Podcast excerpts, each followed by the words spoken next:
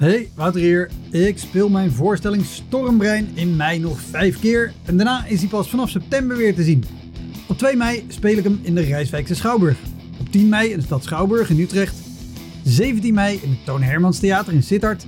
25 mei in de Wiese in Schalkwijk. En 29 mei in het Stadstheater in Zoetermeer. Eind mei maak ik mijn nieuwe speellijst bekend, inclusief een te gekke show in de zomer. Meld je via elektropodcast.nl of woutermonde.nl aan voor mijn nieuwsbrief. Dan weet je als eerste waar en wanneer ik te zien ben. Sowieso is dat handig, want dan krijg je elke maand één mail met erin een overzicht van alle podcastgasten, de columns die ik die maand heb gedaan en alle shows die er in de maand erop gaan komen. Welkom, mijn naam is Wouter Monde. Dit is de Elektra Podcast. Een podcast waarin ik met collega's herinneringen ophaal aan shows die ze liever waren vergeten. Genoemd naar het roemruchte jongerencentrum Elektra in Sliedrecht, dat ooit bekend stond als de comedy hell.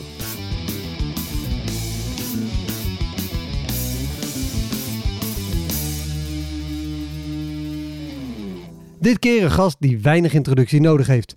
Het is namelijk Guido Weijers. Guido is al jaren een van de grote gevestigde namen in het Nederlandse cabaret, maakte meerdere oudejaarsconferences en stond met zijn eigen shows in alle grote theaters van het land. Maar wil je echt mijn aller, aller, aller, aller... Er... Nou, ik heb eigenlijk twee allerergste. Ik nam deze podcast op met Guido vlak voordat hij zijn masterclass geluk gaf in Theater Ludens in Voorhout. Dus bedankt voor de gastvrijheid, Theater Ludens in Voorhout. En voor nu heel veel plezier met luisteren. Dit is de Elektra Podcast met Guido Weijers.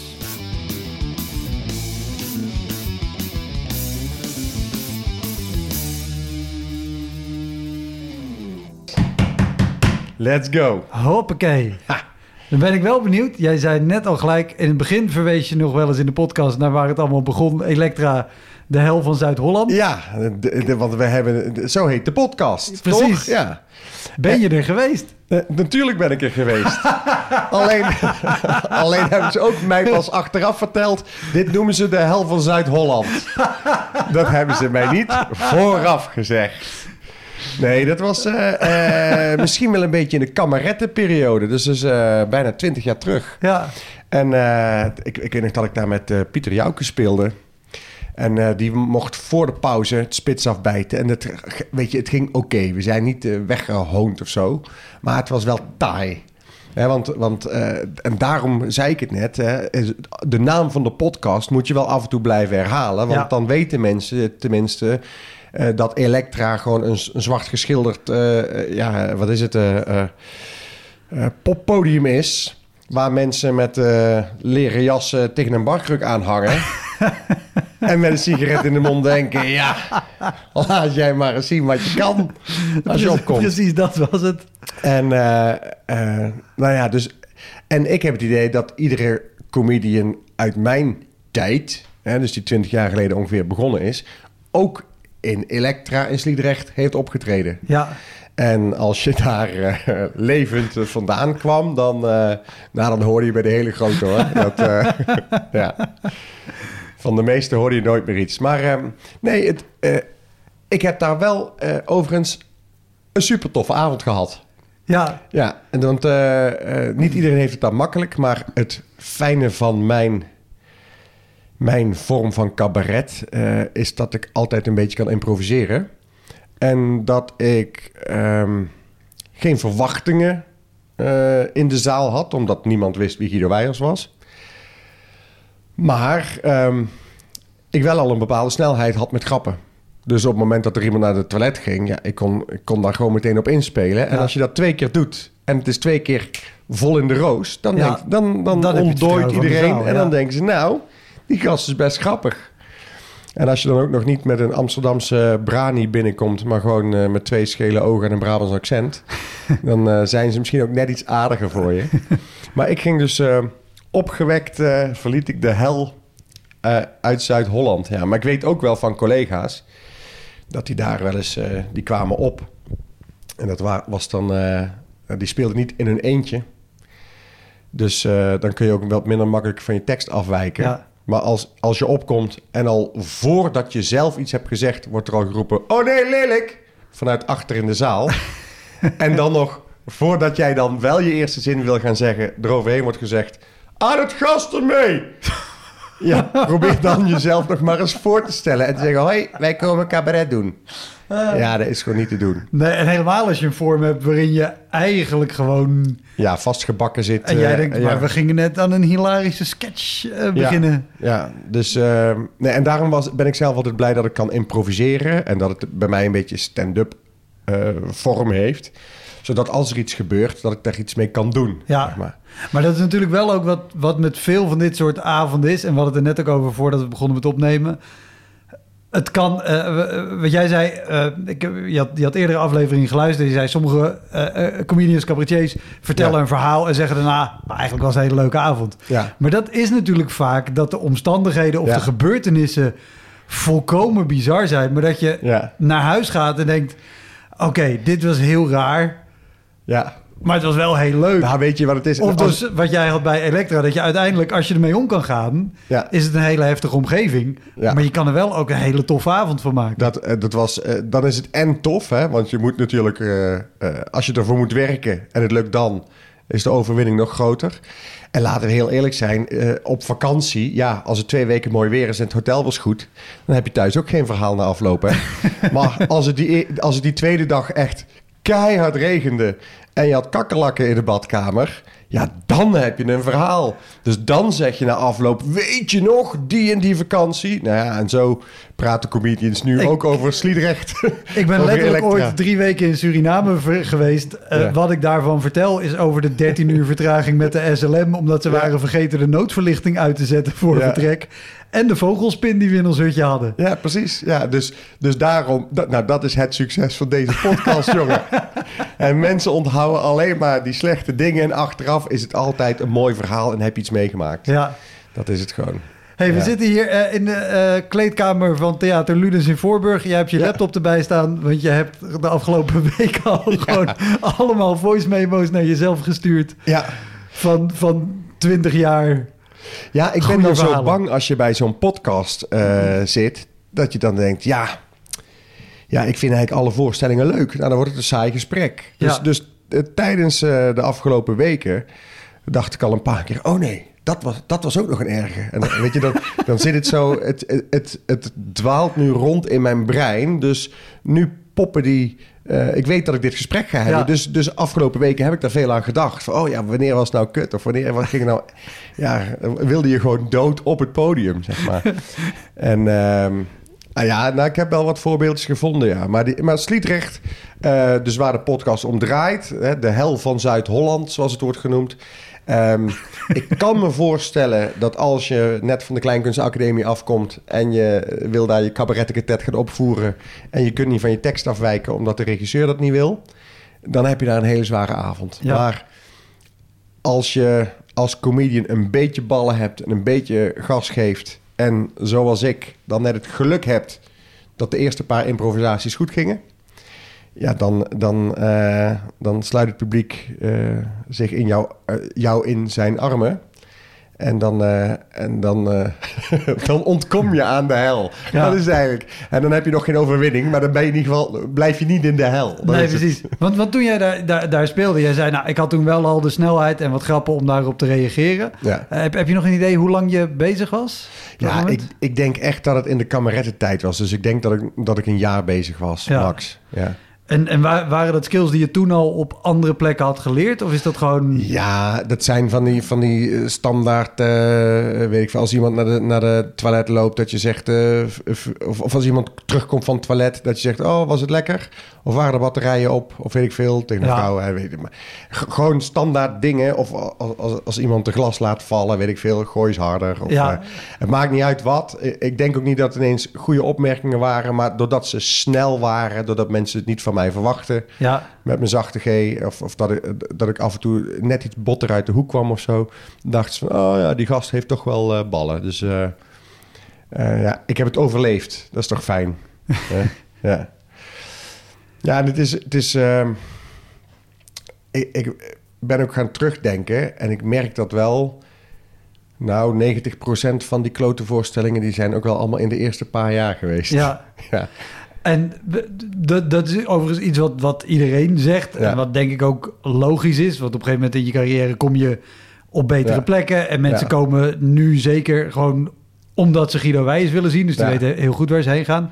Maar denk je dat het niet ook is dat, het, dat de ervaring of de slechte ervaringen minder worden... omdat je er gewoon steeds beter mee om kan gaan? Zeker, zeker. Ik heb nu, een, nu in eh, het theatercollege over geluk... wat eigenlijk niet eens per se alleen maar om de lach draait...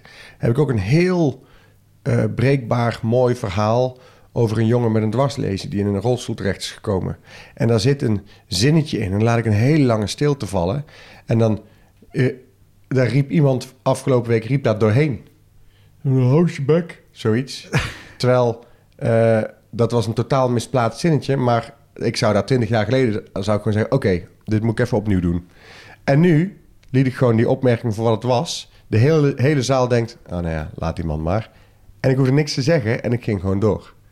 En dat, dat was ook wel een overwinning. Toen dacht ik, dit, dit stuk, deze stilte is zo goed... dat zelfs als mensen er nu doorheen praten... de rest van de zaal toch dit als een stilte ervaart. Ja, En die man die wordt gewoon genegeerd. Terwijl normaal gesproken alles wat in een stilte gebeurt heel awkward kan zijn en een moment kan verpesten. En ik, maar het moment was zo sterk dat niks dat moment kon doorbreken. Dus daar was ik heel blij mee. ja. Ja, En en twintig jaar geleden zou je hebben gezegd... oké, ik moet het ja opnieuw. Over- of eh, of eh, wie riep dat? Of eh, weet ik zou je in de Dan ga- aanval gaan. Ja. Dan ga je erop in. Weet je, opletten hoe ik dit vraag. Kan je voor de geest halen dat er een moment is gekomen dat je hebt beseft... hé, hey, maar ik kan door iemand op zo'n moment te negeren... is eigenlijk nog sterker dan er wel op in te gaan? Eh, ja, alleen. Ja, dat is toch, soms wil je mensen wel negeren, maar dan weet je gewoon niet hoe dat dan moet.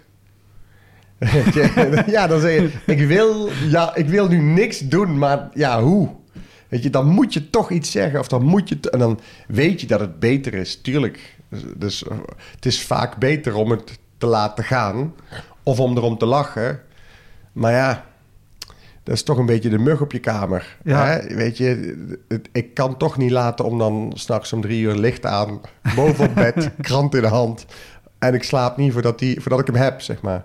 Ja, Dus ehm, ja, je weet het vaak wel dat als er iets gebeurt, maar, maar ik heb bij comedy ook altijd geleerd dat je dan moet benoemen wat je voelt.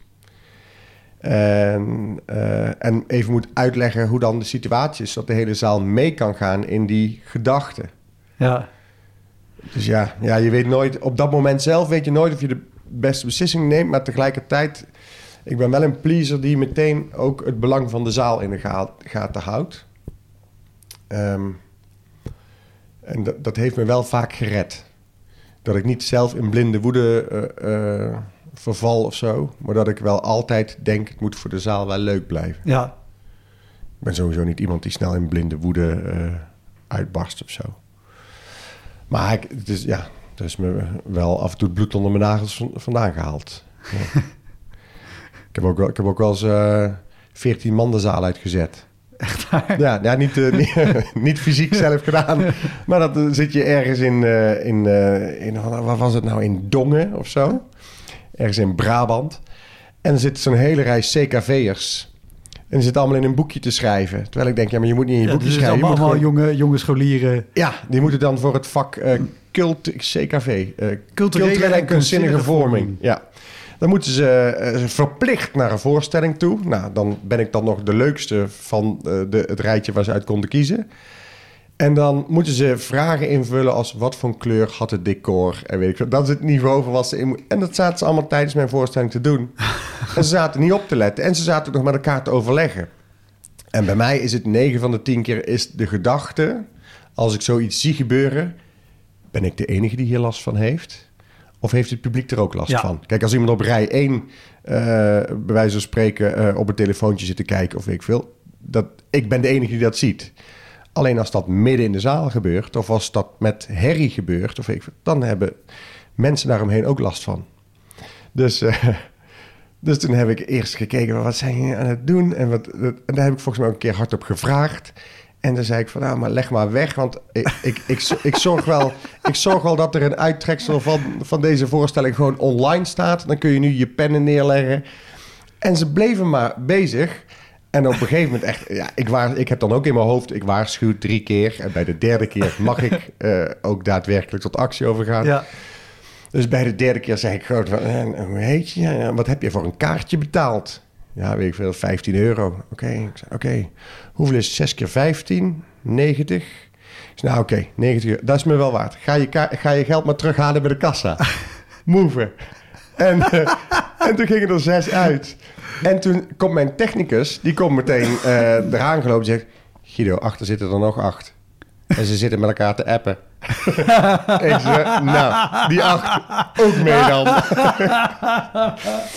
en dan, en dan, en, uh, dan stond, na afloop stond uh, de vader van een van die kinderen... Stond, uh, kwam verhaal halen na de voorstelling. Ik denk, ja, weet je... en dan moet ik die vader uitleggen... in het belang van 200 man die wel een leuke avond willen hebben...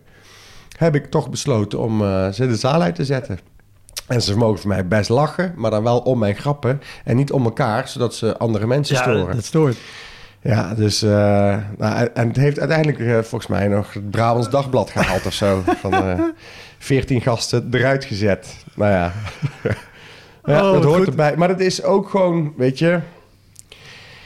Ja, ik, ik denk dat, dat ik daar nu al op een andere manier iets van zou zeggen. Of ik zou het niet zo ver laten komen. Of of, of zij zouden al geen kaartje kopen voor mij.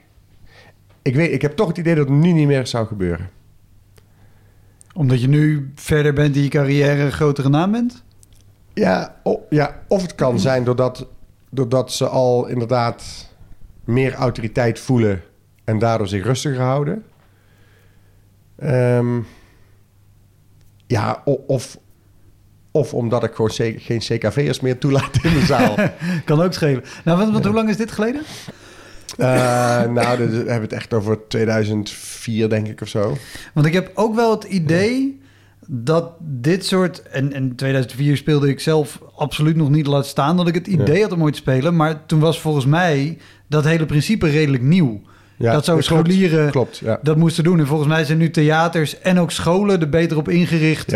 Dat ze dus zeggen, oké, je mag maximaal zoveel CKV's per voorstelling. Of ze mogen maximaal in groepjes van drie of vier bij elkaar. Ja, en soms zit er zelfs een leraar of een lerares bij. Dat klopt. Ja, ze hebben het nu wel beter geregeld. Ja, al, al, heb ik ooit eens in Pepijn... Uh, was bij een avond met meerdere mensen. Maar daar was ook zo... Ja, hoeveel, hoeveel mensen komen er vanavond? Dat is een soort try-out avondje. Nou, een mannetje of vijftig. Oké, leuk. Uh, eh, 30 daarvan zijn een, uh, een groep VWO 6 leerlingen, ja. dus 17, 18 uit weet ik veel waar. Maar die waren dus met, met, met z'n dertigen. Ja. En dan ben je in Pepijn ben je gewoon rij 1 tot en met 3. Ja. Bij en, maar dat merk je meteen, hè? Ja. ja, maar het zijn maar een paar man en het is maar zoveel procent van de zaal. Maar het, een, een groep van een bedrijf of van een school... die kan net de zaal in tweeën splitsen. Ik heb het ook wel eens gehad dat ik in Veldhoven stond. En dat ik de hele avond, maar letterlijk gewoon 90 minuten lang, gewoon dacht: wat is er met het balkon aan de hand? Waarom lacht iedereen, maar het balkon linksachter niet? Ja. Dat je gewoon echt denkt, mijn stereo staat niet aan. Het werkt niet.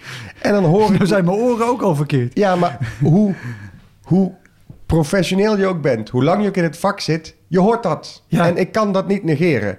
En dan na afloop zegt de directeur... oh ja, nee, er zat een groep van 80 uh, eh, mensen van de Rabobank. denk je, ja, maar zeg gewoon, zeg gewoon vooraf eventjes dat die er zitten. Dan weet ik namelijk, die groep linksboven op balkon... of ik maak twee opmerkingen over de Rabobank en ik heb ze erbij... of ik laat ze voor wat het is... Maar dan weet, dan weet het. je het, ja. Dan weet ik het en dan kan ik er... Maar ja, als je het niet weet, dan, dan word je toch op een of andere manier uh, uh, onzeker. Of het holt je uit dat je denkt van... ik wil tijdens het spelen niet met dat soort dingen bezig zijn. Maar ja, daar ben je dan toch. Want heb jij ook op zo'n moment dat je dan meer bezig bent met de 80 man in zo'n hoek die niet lacht... dan met de weet ik hoeveel mensen die er verder zitten... die er waarschijnlijk heel hard om moeten lachen. Ja, het gaat dan, weet je, al lachen. Dat is ook zo'n Jochem Meijer opmerking. Weet je, dan, dan eh, zitten er 700 man in een zaal die lachen. En dan krijgt Jochem Meijer na afloop van één iemand eh, te horen... Ja, ja, ik vond je vorige show beter. Ja, daar ligt hij een nacht wakker van, jongen. Ja. dat kan hij niet tegen. En, en zo was het met, in Veldhoven ook. Ja, daar hebben 500 man een leuke avond gehad. Maar die 80 man op het balkon... Hoe, wat, wat was daar? Ja, wat, Ja.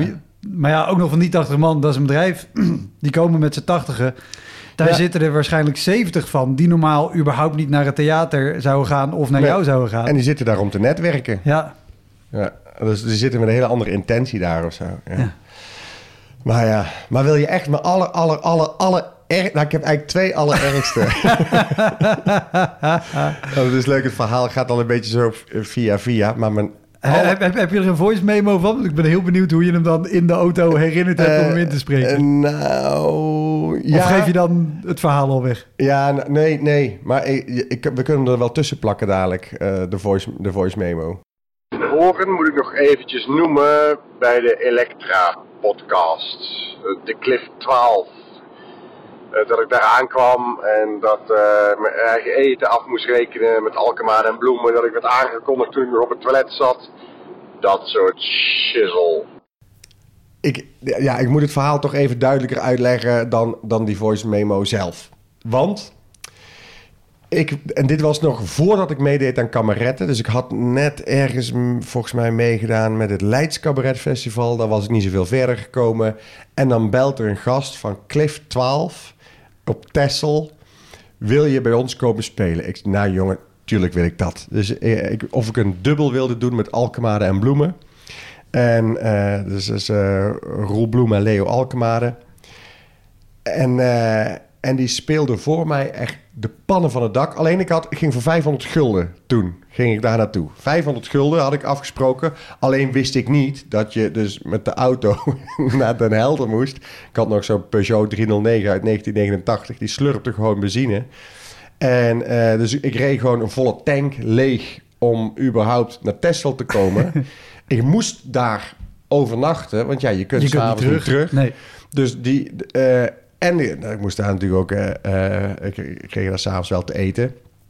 En eh, toen had ik nog vlees zelfs. Want, want het, maar daar komen we dadelijk achter. en, ehm, en Alkemade en Bloemen die spelen daar. En die spelen echt de pannen van het dak. Maar echt superleuk, super vrolijk. En ik hoor mensen lachen. En ik ben nog achter en ik ben me nog aan het omkleden. En die man van het theater, die kondigde ons zelf aan, zeg maar steeds. Ja. En, ehm, en die man die kondigt mij aan terwijl ik nog op het toilet zit. dus ik denk, what the fuck gebeurt hier? Ja. Ik zit op het toilet en ik hoor hem gewoon zeggen... Hier is Guido Weijers. En, in- en- dus ik kom echt letterlijk het podium opgerend... en ik moest mijn zender nog aanzetten... En, en, en, en, en toen, was het gewoon, toen was het gewoon klaar. Toen was het gewoon een kutavond. En toen zaten er 80 man. En die, en die eh, ja, dat was gewoon lauw. Je, hebt toch wel eens van die avonden, dan loopt het doucheputje niet door. Zo voelt het dan, weet je. En dan is bij elke grap zitten er dan van de 80 man, zitten er nog 20 zo, een beetje uit fatsoen, zo, zo te gniffelen.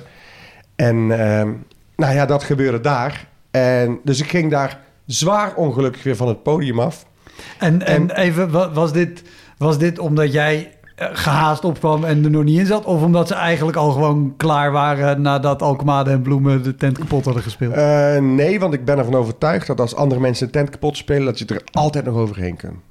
Dat, altijd, want ik heb, het, ik heb Jochem Meijer voor me gehad. Ik heb eh, eh, Alex Klaassen en uh, Martine Sandifort de tent horen afbreken. En die, en die overal was ik daarna nog beter, zeg maar. Dus, eh, dus daar kan het echt niet aan liggen. Ik vind dat als iemand voor jou de tent afbreekt, is het jouw taak om, met de- om diezelfde energie op te pakken en nog hoger te gooien. Alleen doordat die man mij verkeerd aankondigde en te vroeg aankondigde en ik zo half met mijn riem nog open het podium op moest rennen. en, ik het en ik ook echt nog van tevoren tegen die man had gezegd: Wacht heel even. Was ik gewoon zelf ook over de zeik. Ja, En waarschijnlijk is mijn eerste zin ook gewoon geweest... hij had me nu nog niet aan moeten kondigen of weet je, zoiets... Ja. in plaats van hallo Tessel. ja precies. Oké. En, en, ehm, maar dag erop, ga mij daar weg. of ik nog even mijn kipsateetje van de avond ervoor af wilde rekenen. ik denk, ja, krijg nou de tering zeg. Ik, ik moet hier voor 500 gulden naartoe komen. En dan rijd ik nog, me, eh, nog een tank leeg. Dat is al 100 euro of 100 gulden eh, die, die ik eh, leeg reed. Dan moet ik nog een nacht hier blijven. Dus, dus ik ben, al, ben er twee dagen mee kwijt. Nou ja, dan heb je nog twee, nee, 200 euro per dag. En, dan, en, en ik heb gisteren ook echt nog een kutavond gehad. En dan ga jij vragen of ik nog die, die, die 14 gulden van het kipsateetje even wil afrekenen. Jij nodigt mij uit, toch? Omdat het was namelijk ook in het... De, de- dat eten, dat avondeten, was gewoon in dat theater, zeg maar. Dat, dat was gewoon uit hun Ja. keuken. Dus toen dacht ik, ja, nou, ik kom hier nooit meer. Overigens ben ik afgelopen jaar nog op Texel geweest. en daar heb ik gespeeld. Dan weet ik niet of het in... Nee, dat was niet meer in Cliff 12, maar wel in zo'n soort... Ja, het eh, heet nu de toegift. Het, Ja, eh, ja, want ja, maar nu heeft een nieuwe uitbater. ja, En nu is het superleuk. ja, ik ga eind mei ga ik naar Broadway Festival. Ja. Dat is drie dagen. Dat is onder andere daar en een huiskamers. Superleuk spelen. Ja, maar dat, is, dat, is, eh, dat was het dus eh, 18 jaar geleden of zo. Zeker niet. Het was echt... eh, Nee, oh, over, overigens eh, eh, eh, kan ik je ook wel vertellen dat ze het nu zo geregeld, geregeld hebben dat als je komt, dat de overnachting en het eten, dat dat gewoon allemaal van hun uitgeregeld is. Dus ik weet niet of dat aan jou te danken is. Nee, dat Dat, weet ik. Nee, maar het is nu gewoon... nu is het een nieuwe uitbater. En die weet zelf tenminste ook hoe het is om op te treden en zo. Dus die, die regelt dat gewoon veel beter. Maar toen, oh man. Ja, dat was echt verschrikkelijk. En ik heb, ik heb in het begin ook wel eens... En dat, dat hoor jij ook eigenlijk van elke comedian wel terug. Maar dat je in het begin wordt je gewoon uitgenodigd op plaatsen... waar je denkt... Jongens, jullie zaten helemaal niet te wachten op iemand die zijn verhaal komt vertellen. Nee, En dat, de, de ergste dat ik mij nog kan herinneren. Want er zullen er ook vast heel veel zijn die ik verdrongen heb in mijn brein. ik vind het heel leuk vooral, bedoel, deze podcast, je kan het niet zien, maar hoeveel lol er in jouw ogen komt bij het uitspreken van deze zin. Nee, maar er zijn ook heel veel voorstellingen die ik me waarschijnlijk niet meer kan herinneren. Omdat mijn brein ze gewoon echt ge- gecrashed heeft of zo. Of gecrunched. heeft. Dat, dat, maar maar de, de slechtste die ik me kan herinneren. Ja, ik zat op de NHTV. Dus ik studeerde nog. En toen zei ik gewoon tegen iedereen: Ik ben cabaretier. Ik denk, als ik dat maar tegen iedereen zeg, dan komt er vanzelf een keer een studentenvereniging of weet ik veel. En dat werkte ook wel, want zo kwam ik een beetje aan mijn klussen nog. Maar dan hebben we het nog voor, we hebben het nog over voor 2000, zeg maar, dus voor Ja. kameretten. En op een gegeven moment zegt een klasgenoot van mij van ja, wij, wij eh, staan eh, binnenkort met een hele groep, eh, zijn we in een discotheek en dan hebben we een reunie. En of jij dan, wil jij dan misschien een half uurtje of een kwartiertje doen? En toen heb ik dus ja gezegd, niet wetende dat, ja, ja, niet wetende, ik wist het natuurlijk wel, alleen ik had er niet bij nagedacht, want ik had het nog nooit gedaan. Nee, Dus eh, een reunie. Oh ja, Guido, achteraf. Wat is een reunie eigenlijk? nou ja, een reunie. Dat is eigenlijk een evenement waarbij mensen elkaar super lang niet hebben gezien. En ontzettend graag ja, willen weten hoe het met elkaar gaat. Oh ja. En hebben die dan zitten naar cabaret te kijken? Nee, natuurlijk niet. Die zijn alleen maar naar hun oude vrienden op zoek. Ja, en is het dan slim om in een discotheek waar geen verhoging is, in een soort nisje, dan eh, te gaan eh, schreeuwen terwijl de bar nog open is? Nee, Guido, dat is geen goed idee. Achteraf. Maar ja, dan weet je dat op dat moment niet. Dus de bar was open. Ik sta ergens in een nisje. Waar eigenlijk, ja, eigenlijk een soort, een soort diner, zeg maar. Zo, waar- je normaal gesproken misschien met tien man aan een bankje kunt zitten. In zo'n nisje. Daar Ja. kon ik dan staan, zeg maar. In zo'n hoekje. zo- zo'n half rond zitje. Dus ja. er waren ongeveer 15 man die in een kringetje om mij heen stonden die mij konden zien.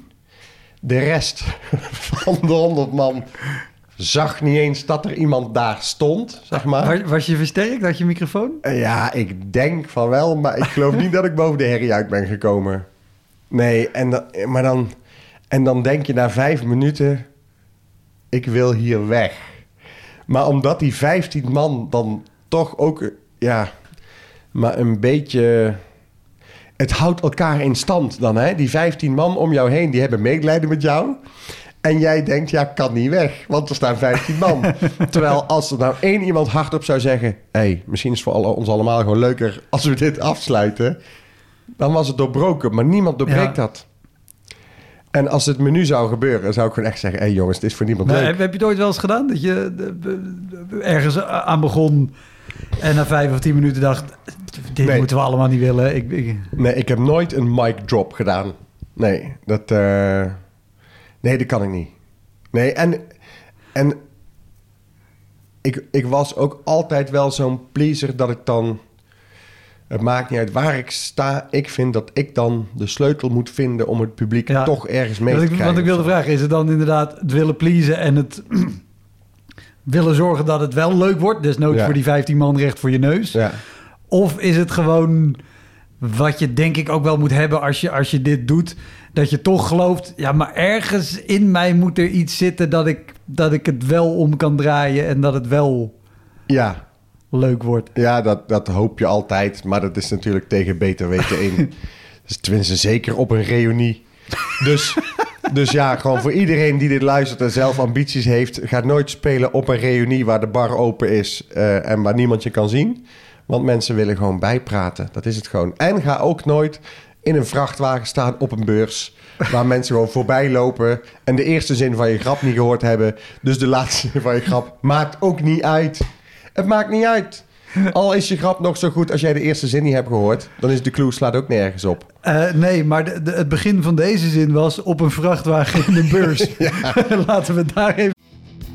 Hoi, Wouter hier. Wist je dat er al meer dan 160 afleveringen van Elektra online staan? Dus het kan heel goed dat je net die aflevering hebt gemist met een comedian of cabaretier die jij echt helemaal te gek vindt. Op elektrapodcast.nl kan je makkelijk zoeken op de naam van de gast. En daar kan je ook heel makkelijk doneren of crewmember worden om mij te steunen bij het maken van deze podcast. Als je in je podcast of streaming app even klikt op abonneren of volgen, dat is gratis, krijg je elke week een melding als er een nieuwe aflevering klaar staat. Oké, snel weer terug. Kunnen teruggaan. Ja, maar dan word je, weet je, in het begin word je ook niet uitgenodigd in theaters, maar op evenementen. Ja, Dus ik was denk ik ook nog student in die tijd. En ik kwam ergens terecht op een of andere MKB-beurs. Waar eh, ook mensen staan om te netwerken. ja en, dus, eh, dus, dus, dus mi- midden een klein bedrijf, gewoon kleine Ja. ondernemers. En, eh, ja, en dat is gewoon niet te doen, joh. Dan, dat is, is gewoon, maar daar weet ik dus oprecht niet meer wat voor een beurs het was. En ik weet ook niet, ik weet alleen maar dat gewoon mensen voorbij liepen. En dat je dan, ja, ja, het is een beetje alsof mensen een hond aan het uitlaten zijn. En jij schreeuwt een grap naar ze toe. Ja, dat, die hebben er niet om gevraagd. En, en je stond in een, maar dat was in een vrachtwagen waarvan dan de zijkant open is bij wijze Ja, van podium, precies. of hoe ja. moet ik dat zien? Ja, zo'n zo'n zo'n zo'n eh, ja, zo'n truck die dan eh, zo verhoogd podium. En dan op een beursvloer waar nog eh 80 andere standjes zijn. Ja, dat is niet te doen, joh. Maar ja, dat weet je nu. Achteraf kun je erop lachen. Ja, tenminste jij wel. Ik voel nog steeds die pijn. ik brokkel nog steeds een beetje af van binnen als ik eraan terugdenk. Maar eh, Weet je nog hoe lang je moest? nou ja, in het begin denk ik dat ik altijd eh, een half uurtje deed of zo. Serieus? Ja, nou, maar ja, ik geloof niet dat ik dat gehaald heb hoor. Want zeker in het begin is een half uur ook nog gewoon Ja, lang. Ja, nee, maar nee, op, die, op die beursvloer heb ik dat niet, eh, heb ik dat niet gedaan. Want ja, ik denk, ik, tenminste, ik hoop dat mensen. dat weet ik niet, eigenlijk niet eens meer. Dat is, dat is wel jammer dat ik eigenlijk dat niet. eh, ik weet al, ik zie alleen nog mezelf daar staan en die mensen gewoon allemaal voorbij lopen.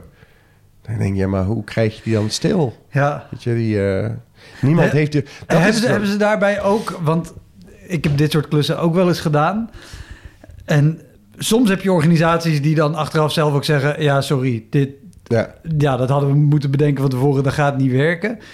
En je hebt hier ook een categorie organisatoren in die dan zeggen: nee, maar het is ook een beetje aan jou. Ja. Om die mensen naar je toe te trekken. Ja. En dan roep je ze er gewoon bij. En dan maak jij er gewoon eh, je eigen feestje van. Dat je denkt, ja, maar zo, zo werkt het niet. Nee, nee, ik ben geen, ik ben geen propper. Die gewoon, eh, nee, ik ben, en ik, ik, ik ben hier ook niet om leads binnen te halen voor jullie. Nee, maar de, nee, ik heb wel het idee dat, dat de opdrachtgever, eh, ze hebben ook altijd gewoon netjes betaald. Dus dat, eh, ik ga ervan uit dat ze toch wel gewoon vonden dat ik mijn best heb gedaan. Maar ja, dat zijn, ehm, dat, en dat waren ook nog wel de verhalen voordat ik in het theater terecht kwam. Ja, Weet je, dus je staat op evenementen en, en nu nog steeds. Hè, want ik heb, ik heb ook letterlijk daardoor eh 15 jaar lang geen bedrijfsoptredens meer gedaan. Omdat ik gewoon dacht, ik word daar niet gelukkig van. Ik word niet gelukkig van als mensen geen kaartje hebben gekocht... En eh, mensen denken, die man gaat grapjes eh, eh, vertellen, maar wij zitten eigenlijk op de borrel te wachten. Ja. Hè, dus ehm, eh, het, het werkt. En nog steeds, als je nu op evenementen vaak eh cabaret ziet of weet ik veel, er is altijd. zijn er stoelen neergezet, maar die zijn zo neergezet dat in het midden altijd een heel breed gangpad is, want dat moet van de brandweer. Dan zeg ik, oké, en waar staat dan de artiest? ja, die staat in het midden. Ik zeg, oké, dus eigenlijk overal staan stoelen, behalve waar de artiest staat, daar is het gangpad. Ja. Oh ja, zo had ik eigenlijk nog nooit bekeken. nee, maar iedereen heeft het nog nooit zo bekeken. Maar iedereen doet het wel zo. Waarom bekijkt niemand dat zo? Toch? Is het, is het heel raar wat ik zeg? Dat als je ergens gewoon op een podium staat... dan staat de artiest in het midden. En dat is precies als ze dan stoelen er neerzetten... dan zetten ze al twee vakken neer met een gangpad in het midden. Dus je staat altijd voor een gangpad te spelen. Ja. Waar, waarom, waarom is er geen politie die daar iets mee doet? Waarom doet Den Haag daar niks aan? Nee, Ja, maar- er, is, er is een brandweer die dat wil. Ik heb dit ook al een keer meegemaakt in een theater. En het is gewoon een fatsoenlijk groot theater met, met Ja. een goede programmering. En die hebben eh, ook eens in de maand in het foyer hebben ze een comedycafé. ja. Maar de hoek waar, waar je dan staat te spelen... en waar ze ook vaak kleine muziekevenementen hebben, weet ik wat... daarnaast zit de nooduitgang. Ja, Dus er ziet, en het is verder helemaal leuk aangekleed. Tafeltjes, nootjes, hapjes, Ja. alles helemaal gezellig. Dat je denkt, oké, dit kan een hele leuke avond Ja. worden. Maar de afstand tussen waar jij staat te spelen en het eerste tafeltje...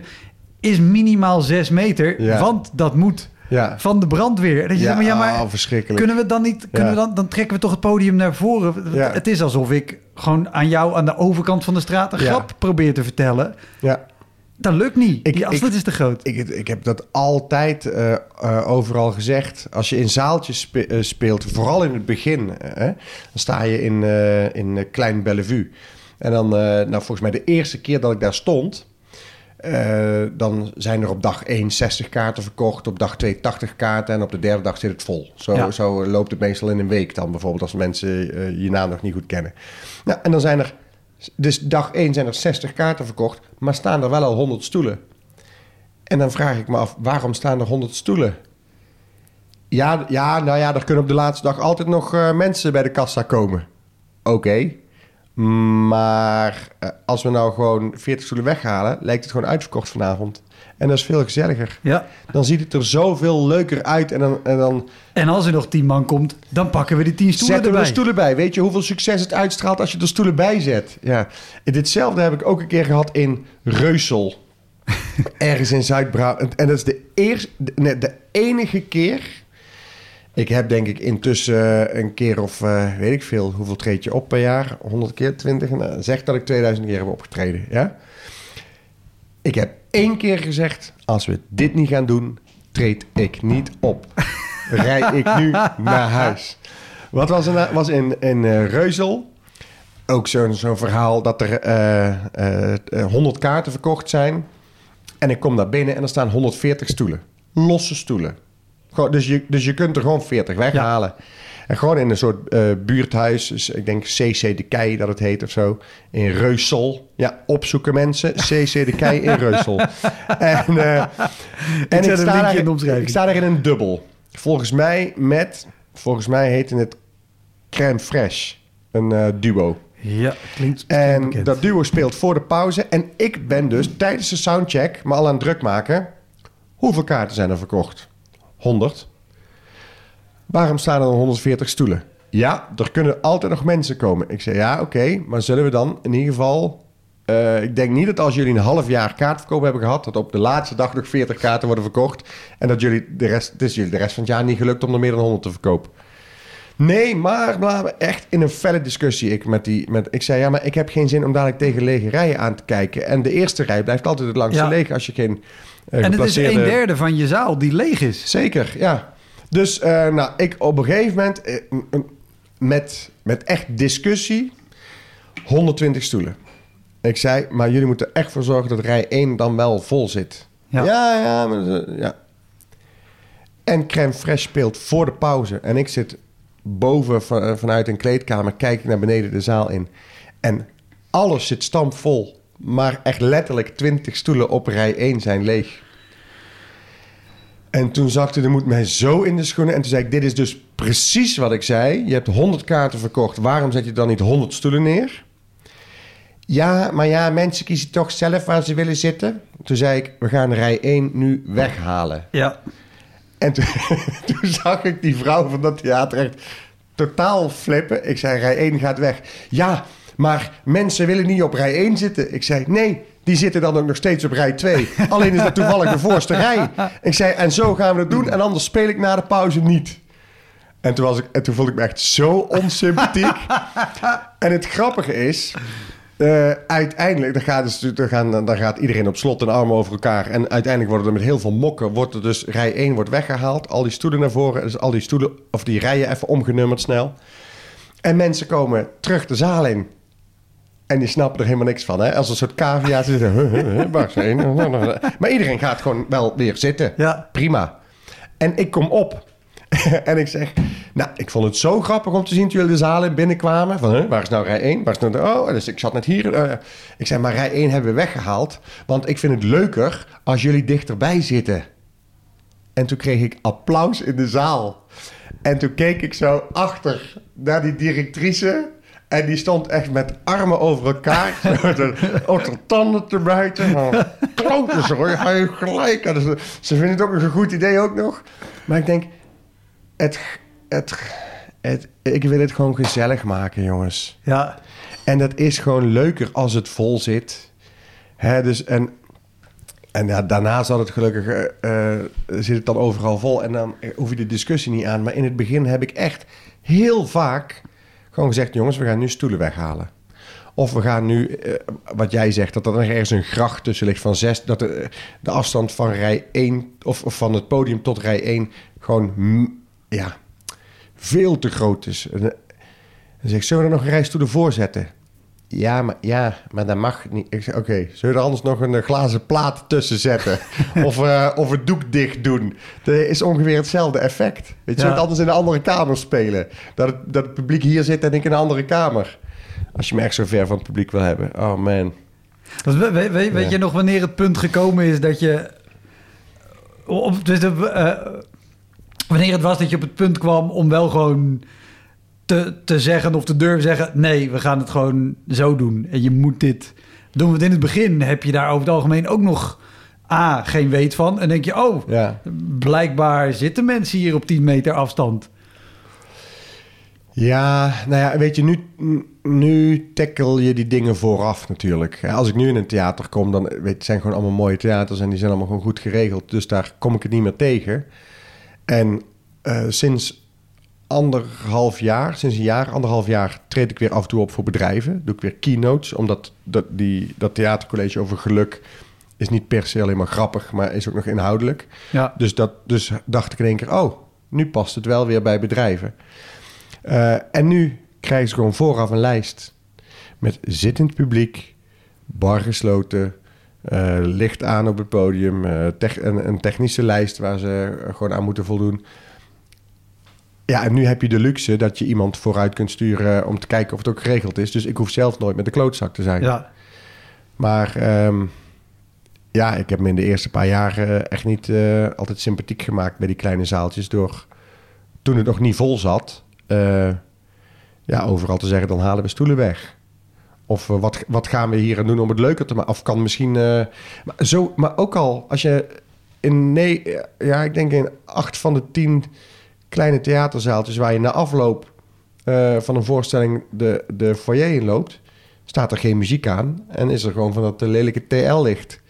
denk ja, maar jullie, jullie doen ook niks om het zelf gezellig Nee. te maken. Daar ga je niet per se blijven hangen om nog even een drankje Nee. te doen. Dus als ze dan zeggen, kom je na afloop nog eh, in de foyer? Ja, als jullie ook zorgen dat het gezellig is, dan kom ik. Maar als jullie gewoon daar een beetje Nora... Of als ze, als ze muziek draaien, Nora Jones... Dat het echt zo van zo'n begrafenismuziek. En dan heb ik een hartstikke leuke voorstelling. En dan gaan ze... Iedereen gaat vrolijk naar buiten. Dan even koffie met cake achteraf. het idee. Dat is toch verschrikkelijk. Dat je denkt van ja, maar een theater moet ook wel weten wie er staat. En denk een beetje mee met de avond. Welke mensen heb je binnen? Wat voor muziek vinden die leuk? Maar ze, is- ja, vaak ben je dan, denk je dan toch, jullie, zijn, jullie hebben te veel subsidie. En daardoor eh, denken jullie zelf niet na van hoe houden we mensen binnen. Of, eh, of jullie vinden het niet belangrijk, of jullie zitten er niet met passie in. Maar je wil mensen toch een leuke avond geven. Ja, en een groot deel denk ik ook, dat doen we altijd zo. Dat doen we altijd zo, ja. Dat is met, met stoelen, want daar vind ik het altijd het lastige om, om voor te stellen dat die mensen zeggen: ja, maar die eerste rij dat kunnen we niet doen. De mensen willen ook kiezen. Ja, tenzij je zorgt dat ze niet kunnen kiezen. Ja, En geloof mij nou maar, want dit kunstje wat ik vanavond ga doen, dat doe ik vijf keer in de week. ja, Ik weet hoe dit kunstje werkt. Maar toch ja. wil het er niet in. Nee, hè, dus, maar dus, ja, dan moet je dus soms eh, je poot zo stijf houden. zeggen, Dan ga ik nu. Ja, Maar dat heb ik dus echt in die twintig jaar maar één keer eh, eh, gehad. Ja. Ik zit even te kijken hoor. Want ik, ik had hier. Oh, ik heb ook nog wel eens. ik heb ook nog wel eens in Groningen op de markt gespeeld. Is dat een goed plan, Guido? buiten. Buiten, op de grote markt. Nou, dat, dat klinkt als een heel goed plan. Vertel. een tribune, gewoon eh, duizend man op een tribune. En dan eh, van die zwarte, gewoon eh, hekken eromheen met zwarte folie ertegen, zeg maar. En, oh, oké, dus, dus heel Groningen kan het wel horen, maar niet zien, zeg maar. Iedereen die er omheen loopt. Ja, dat klopt.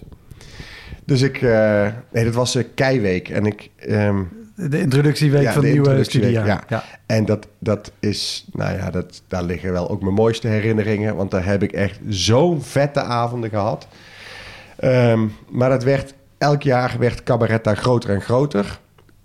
En ze hadden het een paar keer gedaan op een soort binnenplein eh, bij het Nieuwscafé. Ik weet niet of je dat kent. Nieuwscafé in Groningen ligt echt recht achter de grote markt. Dus meteen achter het stadhuis ligt een soort pleintje. Ja. Waar, een, eh, waar het, volgens mij het, het Nieuwscafé aan ligt. En, nou, zo'n binnenplein is fantastisch. Er zijn gewoon vier muren hoog eromheen. Maar het is toch buitenlucht. Hè? Het is een soort binnentuin. Ja, dan En- kan het. Ja, en volgens mij hadden ze ook op de universiteitsterrein hadden ze een soort, ik weet niet of het de harmonie heet of zo, weet ik, maar zo, zo, zo, ook zo'n plein. Als je daar een tribune neerzet en dan is het gewoon buitenspelen zonder jas op een zomeravond in augustus ergens. En dan is het fantastisch. Maar cabaret werd er elk jaar steeds een beetje groter. En ik trad daar ook bijna elk jaar op. En op een gegeven moment was het zo populair dat ze zeiden: ja, we hebben, dit jaar hebben we het op de grote markt gezet. Dan kunnen we geen 700 studenten kwijt, maar 1000. En dan ze duizend man op een tribune. En dat eh, was op zich best leuk bedacht. Alleen eh, mensen, er stonden dus hekken omheen. Alleen buiten de hekken, ja, daar kunnen, het podium was heel hoog. Dus ik was gewoon vanaf buiten de hekken ook te zien. Dus er waren ook mensen die gewoon in lantaarnpalen eh, een beetje zo gingen hangen... om nog zo boven die hekken uit en, en om mij te zien. En dat vind ik dan ook nog wel leuk. Maar als die mensen vanuit die lantaarnpalen dan gaan schreeuwen... of andere mensen weer gaan schreeuwen tegen die mensen in lantaarnpalen... ja, dan dat, dat is gewoon, dat is buiten het hek. Dus jij kunt daar helemaal niks mee. Nee, degene die binnen zit op stoelen, neem ik aan. Ja. Die kijken opzij. Je ziet alleen maar Ja, een die, hek met die zwart erbij. Ziet Die wat horen alleen maar buiten. Hey, kom eens uit die paal! Kom eens uit die paal! en, en die man heeft gelijk, want die mensen mogen niet in die paal klimmen. Maar ja, die mensen in die paal hangen, die willen graag mij zien omdat er hekken staan. Dus ja, ja wat doe je dan? Weet je, dan, dan ben je aan het optreden en je hoort gewoon mensen heel hard schreeuwen buiten die hekken. En dat is gewoon, ja, dat is ook irritant. En op een gegeven moment was er ook een gast die, eh, ik weet ook niet wat er precies gebeurde, maar ik sprak hem daarop aan. Van ja, laat eens even zijn zo klaar, of weet ik veel. En dan, ja, wat dan? en, en toen, maar dan, toen dacht ik ook, ik ben nu wel aan het doorspelen voor die duizend man. Maar ik ben ook toch in mijn achterhoofd aan het denken, stel dat die man over het hek klimt. Of stel dat die man naar binnen dan sta ik gelukkig nog op een hoger podium. Dus ik kan altijd met mijn voeten naar beneden trappen. ik, was alle, ik was mijn hele zelfverdediging al in kaart aan het brengen. Hè? Van stel dat zo'n gast echt nu gaat flippen. Ja. Want hij werd op een gegeven moment echt, hij was echt over de pis, zeg maar. En ik denk, ja, nu is het niet mijn taak. En dan in je achterhoofd denk je ook van, eh, laat iemand van de organisatie nou even daar naartoe lopen of zo. Maar je, je- ja, wat doe je dan? Ja, eh, toch maar een beetje proberen grappig te zijn tegen zo'n gast. Maar dat lukt ook net niet helemaal, omdat de helft van de mensen die gast maar ziet. Ja. ja, die hebben geen referentiekader om dit in te begrijpen. Nee, maar het is, het is een heel vreemd principe. Ehm, dat je je tekst uit je hoofd geleerd hebt. En dat je dus je tekst aan het zeggen bent tegen duizend man. Terwijl je op dat moment volledig, ja, een soort, een soort kickbox sessie aan het doorlopen bent in je hoofd. zeg maar, als die gast nou het podium opkomt, dan, eh, ja, ik sta anderhalf meter hoger of een meter Ja. hoger. Dus eh, ik ben in het voordeel. Hoe groot is hij eigenlijk? Oké, je zou het kunnen hebben. Oké, hij is wel kaal. Nou, laat maar. Ja.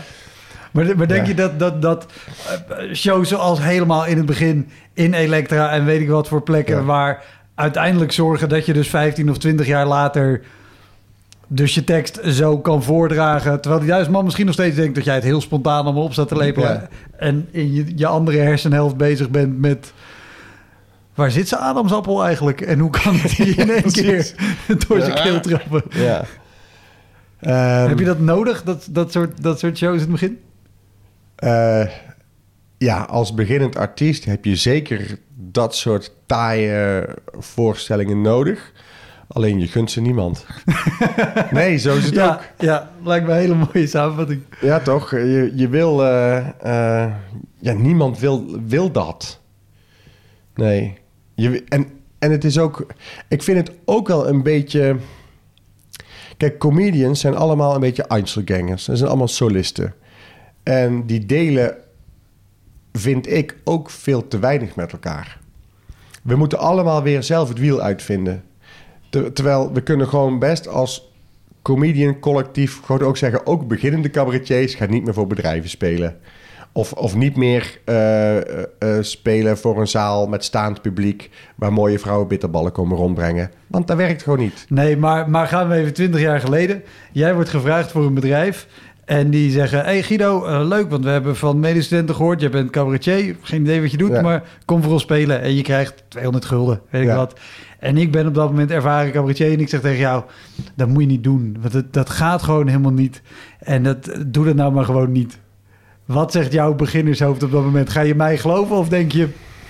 Ja, dat Ga- weet ik- ja misschien, heb ook, misschien heb ik wel gelijk. misschien hoort het ook zo bij zo'n soort jonge hondengevoel. Ik kan de wereld veroveren, ik moet dit toch doen. Eh, of misschien hoort het bij een gevoel van hebzucht en ik wil die 200 euro hebben. Dat kan ook. Ehm, ja, je wil gewoon zoveel mogelijk meters maken in het Ja. begin. En, maar dat is ook een valkuil. Want het heeft, het heeft ook niet altijd zin. Weet je, kijk, en- en sommige dingen kun je voor. Er zijn dingen die je vooraf kunt weten. Dus eigenlijk grote markt, Groningen, in de buitenlucht, waar ook nog mensen jou kunnen zien die niet bij de voorstelling betrokken zijn, zou ik nu zeggen dat is geen goed idee. Ja, Ehm, eh, vrachtwagen op een beurs. een vrachtwagen op een beurs waar het publiek voorbij loopt. eh, geen goed idee. Een reunie waar de bar open is en mensen elkaar twintig jaar niet meer hebben gezien. En zeggen: Hé, hey, Harry, nou, dat is leuk jou weer te zien. Geen goed idee om daar in de hoekje van de zaal te gaan spelen. Ehm, alleen, dus, kijk, er zijn natuurlijk ook, soms zijn, is alles perfect geregeld. En com- comedy is ook wel zo'n breekbaar ding. Dat als, als één iemand in de zaal, die kan gewoon alles naar de kloten helpen. Heel simpel, als eh, eh, in Capelle aan de IJssel, dat was ook wel helemaal in het begin, geloof ik. Ja, dat was eh, zelfs met een kamerettentournee, of een soort sneak preview of zo. Stonden Alex Klaas en Martine Sandifort stonden voor mij te spelen. En, toen was en, dan, en dan hebben we het over een theater waar alles perfect geregeld is. Prachtig theater. eh, fijne zaal om te spelen. Ik denk een mannetje of 600 of zo eh, die er in de zaal kunnen. Hele avond gaat leuk. En Alex en Martine zijn aan het spelen. En er zit gewoon één dronken vrouw in de zaal. En die roept zo af en toe wat.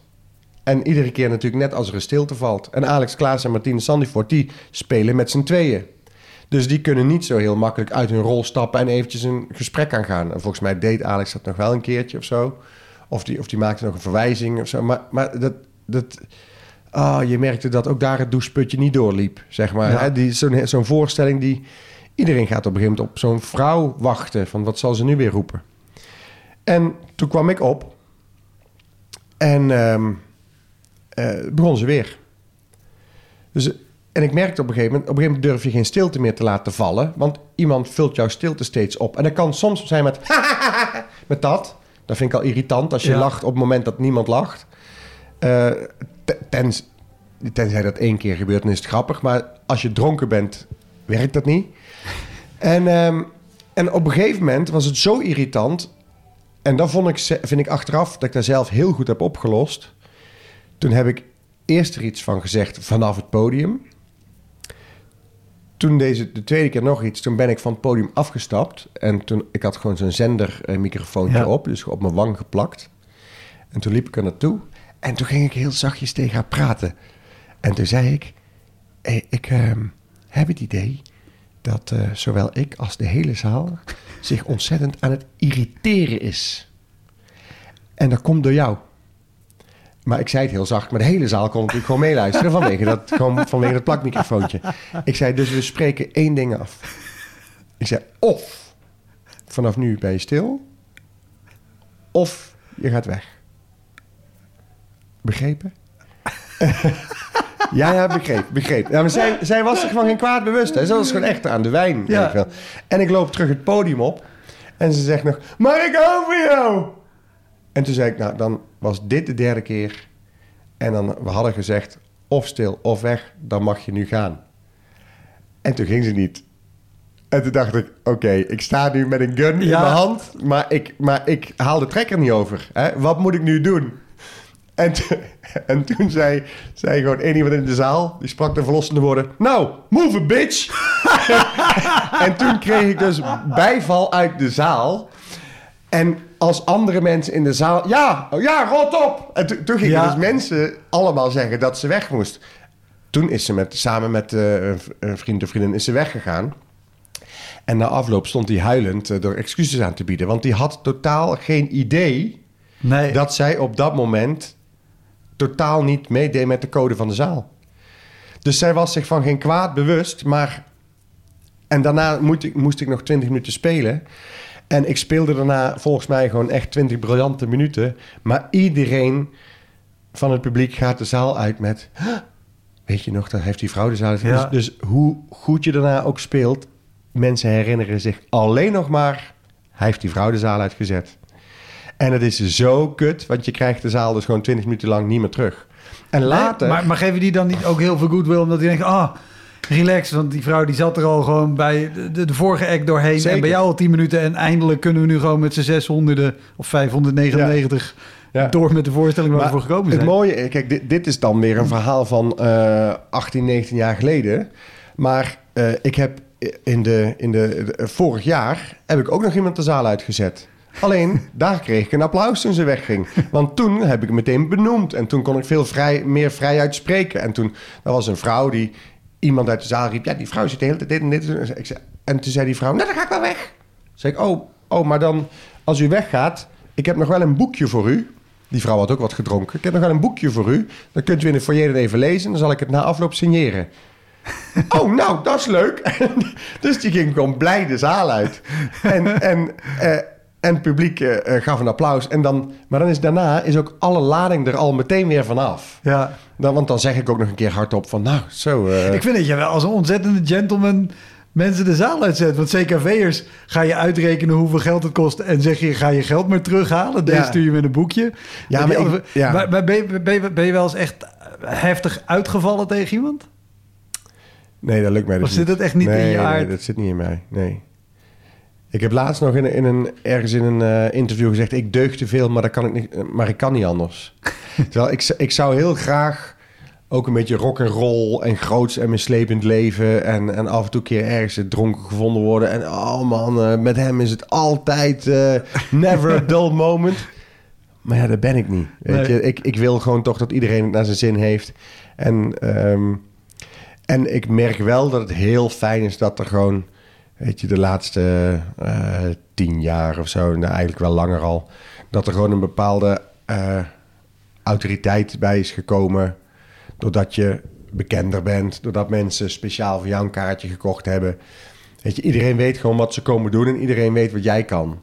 Dus dat vertrouwen is dan gewoon heel fijn. En als dan iemand de stoorzender is, ja, dan is het niet zo erg. Ja. Alleen als je in een finalistentournee van kameretten zit en niemand weet wie jij bent, ja, dan sta je eerst nog eens te bewijzen ten, ten opzichte van het publiek. En dan, en dan werkt het publiek ook nog eens niet mee. Ja, dan dat is echt super kut. Heb je nog Ja. eh, eh, eh, shows staan waarvan je denkt... oh, die moet ik absoluut... Eigenlijk niet meer doen. ik, ik bedoelde eigenlijk in je voice memo's... die moet ik vertellen of die Oh. moet ik eigenlijk niet meer doen. Dat mag ook. Nee, ik, ik, zit eens, ik zit eens even te kijken. Ik had... ja, nou, ik dacht nog wel... dat ik... Ik ben ook niet zo goed... Daar had ik wel opgeschreven. Het, het Comedy Café. Dat... ehm, ik ben niet zo goed in echte stand-up comedy, zeg maar. En, eh, en eh, collega's die geloven dat nooit. Nou, nee, maar dat kun je wel. Ja, maar toch ben ik daar niet zo heel goed in. Ik kan wel op een comedy festival of zo optreden.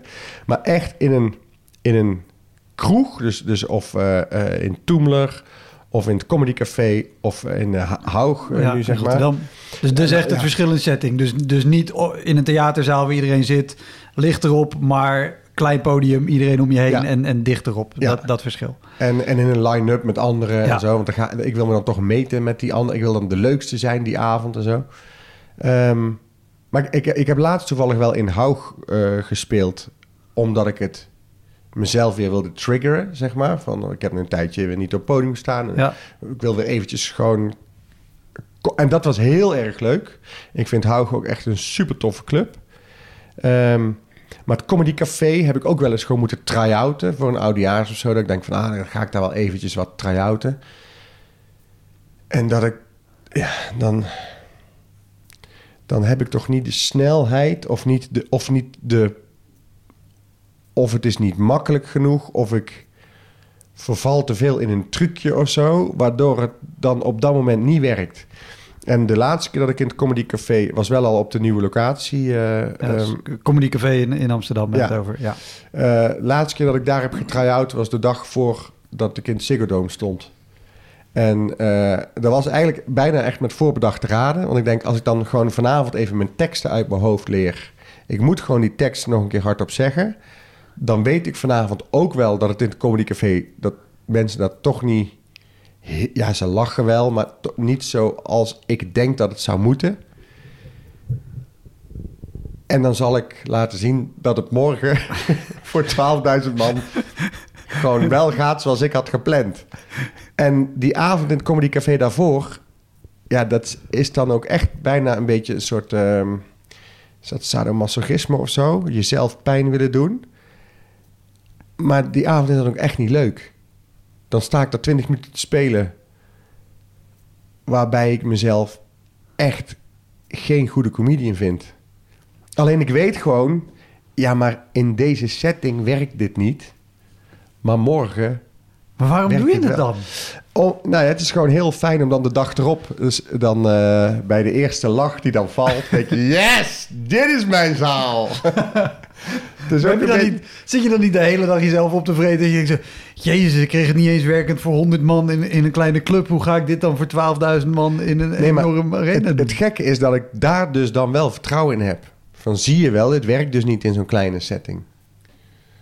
Maar ja, tegelijkertijd is het wel zo. Ik ben de laatste paar jaar, nou, ook met die masterclass geluk, hè, omdat het net iets anders is dan cabaret, sta ik ook weer in kleinere zaaltjes. En ik heb het idee dat ik het nu ook wel meer aan het leren ben. Maar dat ik nu pas, ehm, doordat ik een soort eh, eerlijkheid nu heb die ik misschien eh, tien jaar geleden nog helemaal niet had. Eh, maar die, die, die vind ik nu wel fijn om te spelen. En het publiek pakt die nu wel. En daarom denk ik ook dat mijn laatste voorstelling bij Haug eh, was wel heel leuk. Maar daar had ik ook niet mijn eerste zin in gestudeerd. Ja, Snap je? Dus, dan- dus dan laat het maar iets meer los. Durf ik maar iets meer kwetsbaar te zijn. Als er geïmproviseerd moet worden, doe het maar gewoon. En hou je maar niet aan een strakke set van 20 minuten. Want dat, ja, vertrouw er maar op dat ze je wel aardig vinden. Of dat je wel grappig genoeg bent. ja. En, en denk je dat, je dat je misschien door eh, eh, kameretten en na de eindejaars en zo... dat je gewoon snel groot bent geworden in theaters... en misschien daar meer het gemak en de luxe van hebt Zeker. eh, aangenomen. Denk je dat, dat je op dit punt eerder zou zijn gekomen... als je langer had, had moeten struggelen zeg maar, op kleine plekken? Ehm, Zou dat het verschil hebben gemaakt? eh, Dat is iets waar ik me Ja. namelijk heel erg aan vasthoud. nee, ja, ik, ik, ik denk wel dat het... Het zou zomaar kunnen, ja. Het zou zomaar kunnen. Ik ben wel heel snel... eh, ik, ik heb twee, drie jaar heb ik in kleine zalen gestaan. En daarna was bij elke dorp of stad waar ik terugkwam... eh, was ik verplaatst naar de grote zalen of was het uitverkocht. Dus Ja. ik heb altijd de luxe gehad dat ik vrij snel het theater in kon. En ik heb ook nooit eh, eh, een zaal gehad waar er 400 in pasten... en er maar 100 zaten of zo. Ik heb het altijd vol gehad. Dus dat is wel... eh, dat is een luxe. Alleen ik moet zeggen dat ik dus nu met heel veel plezier... eh, eh, dit theatercollege in kleine zalen speel.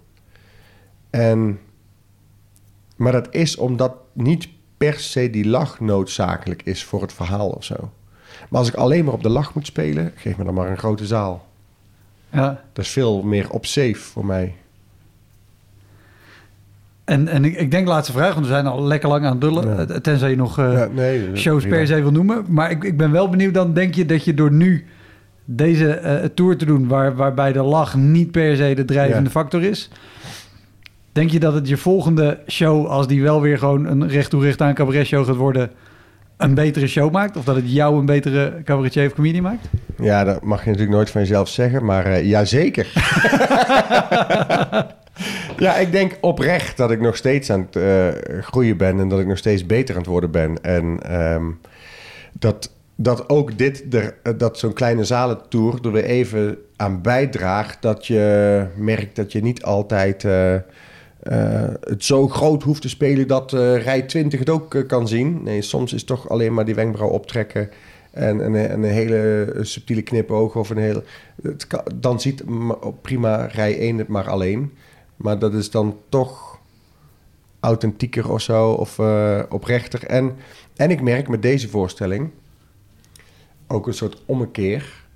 Want ehm, ik, ik, was, ik, ik zat eerst, eh, nou ja, 19 jaar geleden, zat ik in het rijtje samen met Jochem Meijer. En dat Klaas van Eerder, die ging beatboxen op zijn dwarsfluit. Je had Jochem Meijer met ADHD. En ik had elke eh, voorstelling uh, house muziek erin. En uh, Red Bull op het podium. En ik, moest alleen maar snel energie. En,